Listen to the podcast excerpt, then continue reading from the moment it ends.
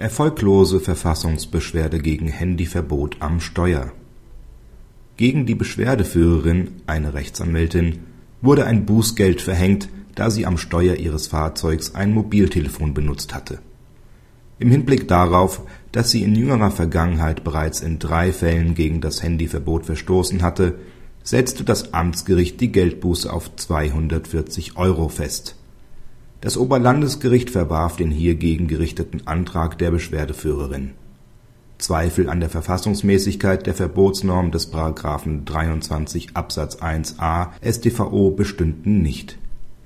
Angesichts der Hartnäckigkeit, mit der sich die Beschwerdeführerin immer wieder über das Verbot hinwegsetze, erscheine eine Erhöhung der Regelbuße um das Sechsfache auch als schuldangemessen. Die Zweite Kammer des Zweiten Senats des Bundesverfassungsgerichts hat die Verfassungsbeschwerde der Beschwerdeführerin, mit der diese das Handyverbot am Steuer als verfassungswidrig rügte, nicht zur Entscheidung angenommen